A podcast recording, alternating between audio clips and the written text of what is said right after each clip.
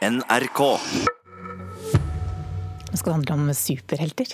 Det må handle om superhelter på en dag som dette, for i dag har storfilmen Avengers Endgame premiere her i Norge, og resten av verden også for øvrig.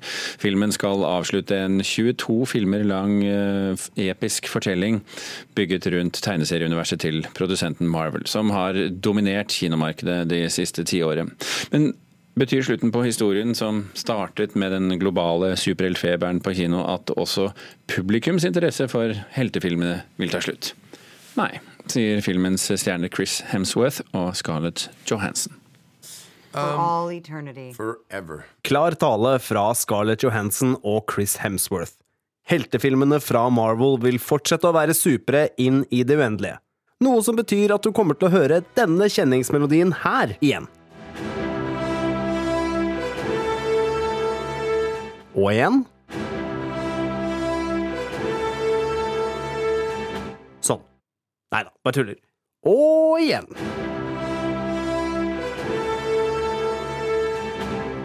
For selv om Marvel med sin Avengers Endgame avslutter sin pågående fortelling gjennom 22 filmer og 11 år, har superheltprodusenten flere titalls filmer på horisonten. Og med nye helter som tar gamle helters plass, vil heller ikke interessen for disse filmene gi seg med det første, sier Scarlett Johansson, som spiller superagenten Black Widow. The Marvel universe is enormous. I mean, there's so many character, in, interesting characters, new storylines, and like there's just such an expansive universe. I don't think people will tire of seeing all these enigmatic characters and stories. We lost. All of us. At folk skal gå lei superhelter, har man snakket om helt siden den første Avengers-filmen i 2012, sier Chris Hemsworth, kanskje bedre kjent som tordenguden Thor. Syv år og 16 filmer senere fortsetter nye helter som Black Panther og Captain Marvel å bryte rekorder i billettbodene. Årsaken er at varemerket Marvel er blitt så sterkt, tror skuespilleren. Such a trust for the brand, I think, at this point, and, and each film benefits from the last one and is part of this kind of huge infrastructure and towering sort of force. And the magic of the whole universe is what is, is, is people are attracted to. You know? Mye av suksessen deres skyldes jo det at de har på en måte lykkes i å lage TV på kino. At du har én historie som utspiller seg over flerfoldige år. Det sier filmskribent Aksel Kielland i Morgenbladet om Marvels varemerke. Endgame omtales som en avslutning fordi det er ventet at flere av de mest populære heltene i serien vil takke av. Den kontinuiteten har Marvel lagt planer for i lang tid, sier Kielland. Det som er interessant med denne filmen, er at den er en forretningsavgjørelsene bak filmen. Du ser de på en måte gjennom fiksjonen. Det er et sånt generasjonsskifte, sånn som man iblant kan se på såpeoperaer, hvor man bytter ut ett kull uh, av figurer med et nytt. Ifølge Avengers-regissør Anthony Russo er regnestykket så enkelt og skjørt som at filmens kvalitet avgjør deres popularitet. You know, if the movies remain good, if they remain relevant, if they if they if they motivate people, you know, the genre could live forever. And the second the genre, you know, stops producing movies like that, it will go away.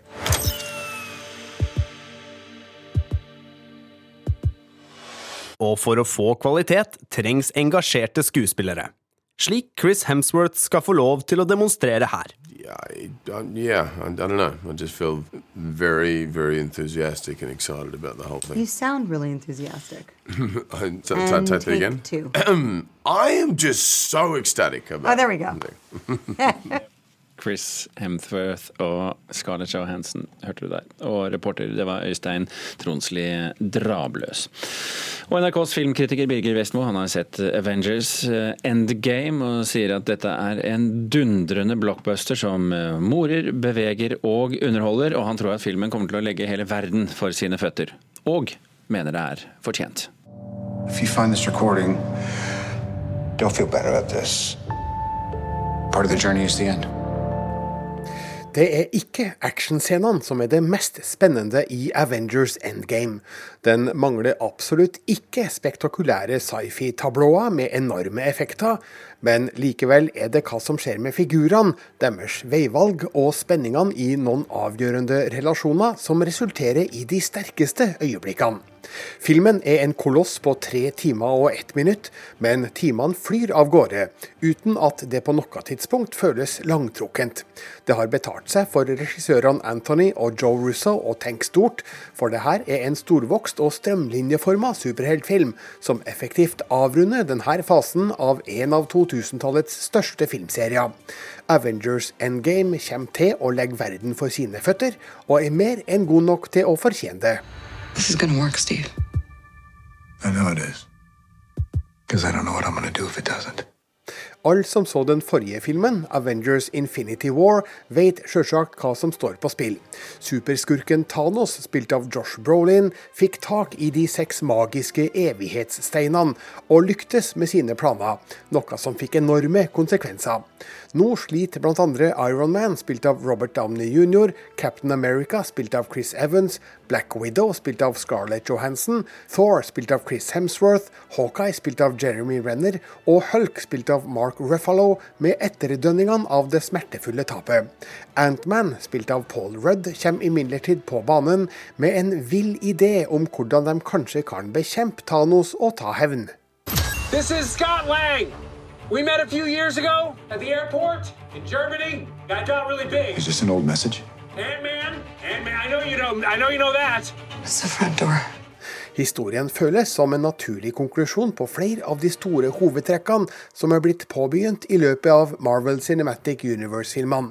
Flere av figurene er ikke lenger de samme som de var da vi først møtte dem, og i noen av tilfellene stikker det litt i hjertet å se hva det innebærer å medføre i denne filmen. Sjøl om overfladiske inntrykk står i kø for å pirre sansene, ligger det mer i historien som handler om familie, vennskap, tap, savn og forsakelse. Det gir den ytre spenninga en ekstra dimensjon som filmen nyter godt av. Man kan faktisk le høyt og gråte en skvett om hverandre. Avengers Endgame er en dundrende blockbuster som vekselsvis morer, beveger og underholder. Av og til gjør den alt på én gang. Det er litt av en bragd at den, i hvert fall foreløpig siste Avengers-filmen, også er den beste. If we do this, how do we know it's going to end any differently than it did before? Because before you didn't have me. Terningkast fem. Ja, det var altså vår filmanmelder, det. Birger Vestmo, som hadde sett Avengers Endgame, som har premiere i dag. Både i Norge og i resten av verden. Det betyr overalt. I går i Nyhetsmorgen snakket vi om at myndighetene på Sri Lanka stengte sosiale medier midlertidig for å unngå at de ble brukt som nyhetskanal for terrorister. Og I dag så kommer et viktig utspill fra New Zealand, som ble rammet av terror i mars. Kulturreporter Elisabeth Grøndal. Ja, Statsministeren i New Zealand, Jacinda Ardern, lanserer det hun kaller for eh, Christchurch Call, for å hindre terrorister i å spre voldshandlinger live på nett. Det skriver The Guardian i dag. Hun sier at det handler ikke om ytringsfrihet når en terrorist sender drap på 50 personer direkte på sosiale medier. Hvordan vil hun stoppe terrorister som ønsker å sende voldshandlinger direkte på internett? Hun vil at land og sosiale medier skal forplikte seg til noen løfter. Og hun har allerede snakket med Mark Zuckerberg i eh, Facebook og lederne i Twitter og Google om dette her. Hun mener at de må ta utfordringen om å sørge for at de ikke blir et nyttig verktøy for terrorister, og at de i stedet bør være en del av en løsning for å motvirke ekstremisme. New Zealand er jo ikke et eh, veldig stort land. Hvordan skal Ardøren få det internasjonale samfunnet med på en slags felles løsning? Ja, De er jo et land med bare fem millioner mennesker, så de har inngått en allianse med Frankrike for å få mer tyngde. Den franske presidenten arrangerer toppmøte i Paris den 15. mai og samler teknologiske bedrifter og andre berørte land til å forplikte seg til Christchurch Call, som altså er et sett med løfter for å stoppe terroristisk og voldelig innhold på nettet. Og Samtalene de fortsetter trolig i Paris 15. mai, og New Zealand skal altså ta på seg en slags lederrolle i denne kampanjen. Takk skal du ha, Elisabeth Grøndal. De siste årene har russisk mafia og organisert kriminalitet vært et hyppig tema, både i nyhetsbildet og også i bokutgivelser verden over. Nå foreligger enda en dokumentarbok, denne gangen også på norsk. og Den er skrevet av den amerikanske akademikeren Mark Geliotti og heter 'Worry Russlands supermafia'. Bokanmelder her i NRK, Leif Ekle, god morgen. God morgen. Du har lest boken. Hva slags bok er dette her? Det er først og fremst en dokumentar. Eh, både i historisk og økonomisk forstand, og i politisk. Eh, det er en omfattende, veldig særprega historie. Det, altså denne beretningen om en vedvarende kriminell tilstedeværelse, en som strekker seg helt tilbake til tsartida, via det tidlige Sovjetunionen, Stalin, oppløsningen av Gulag-leirene under Khrusjtsjov på 50-tallet, og alle de som har fulgt etter senere, til og med Jeltsin og Putin. Og Bokens tittel Vori, hva er det for noe?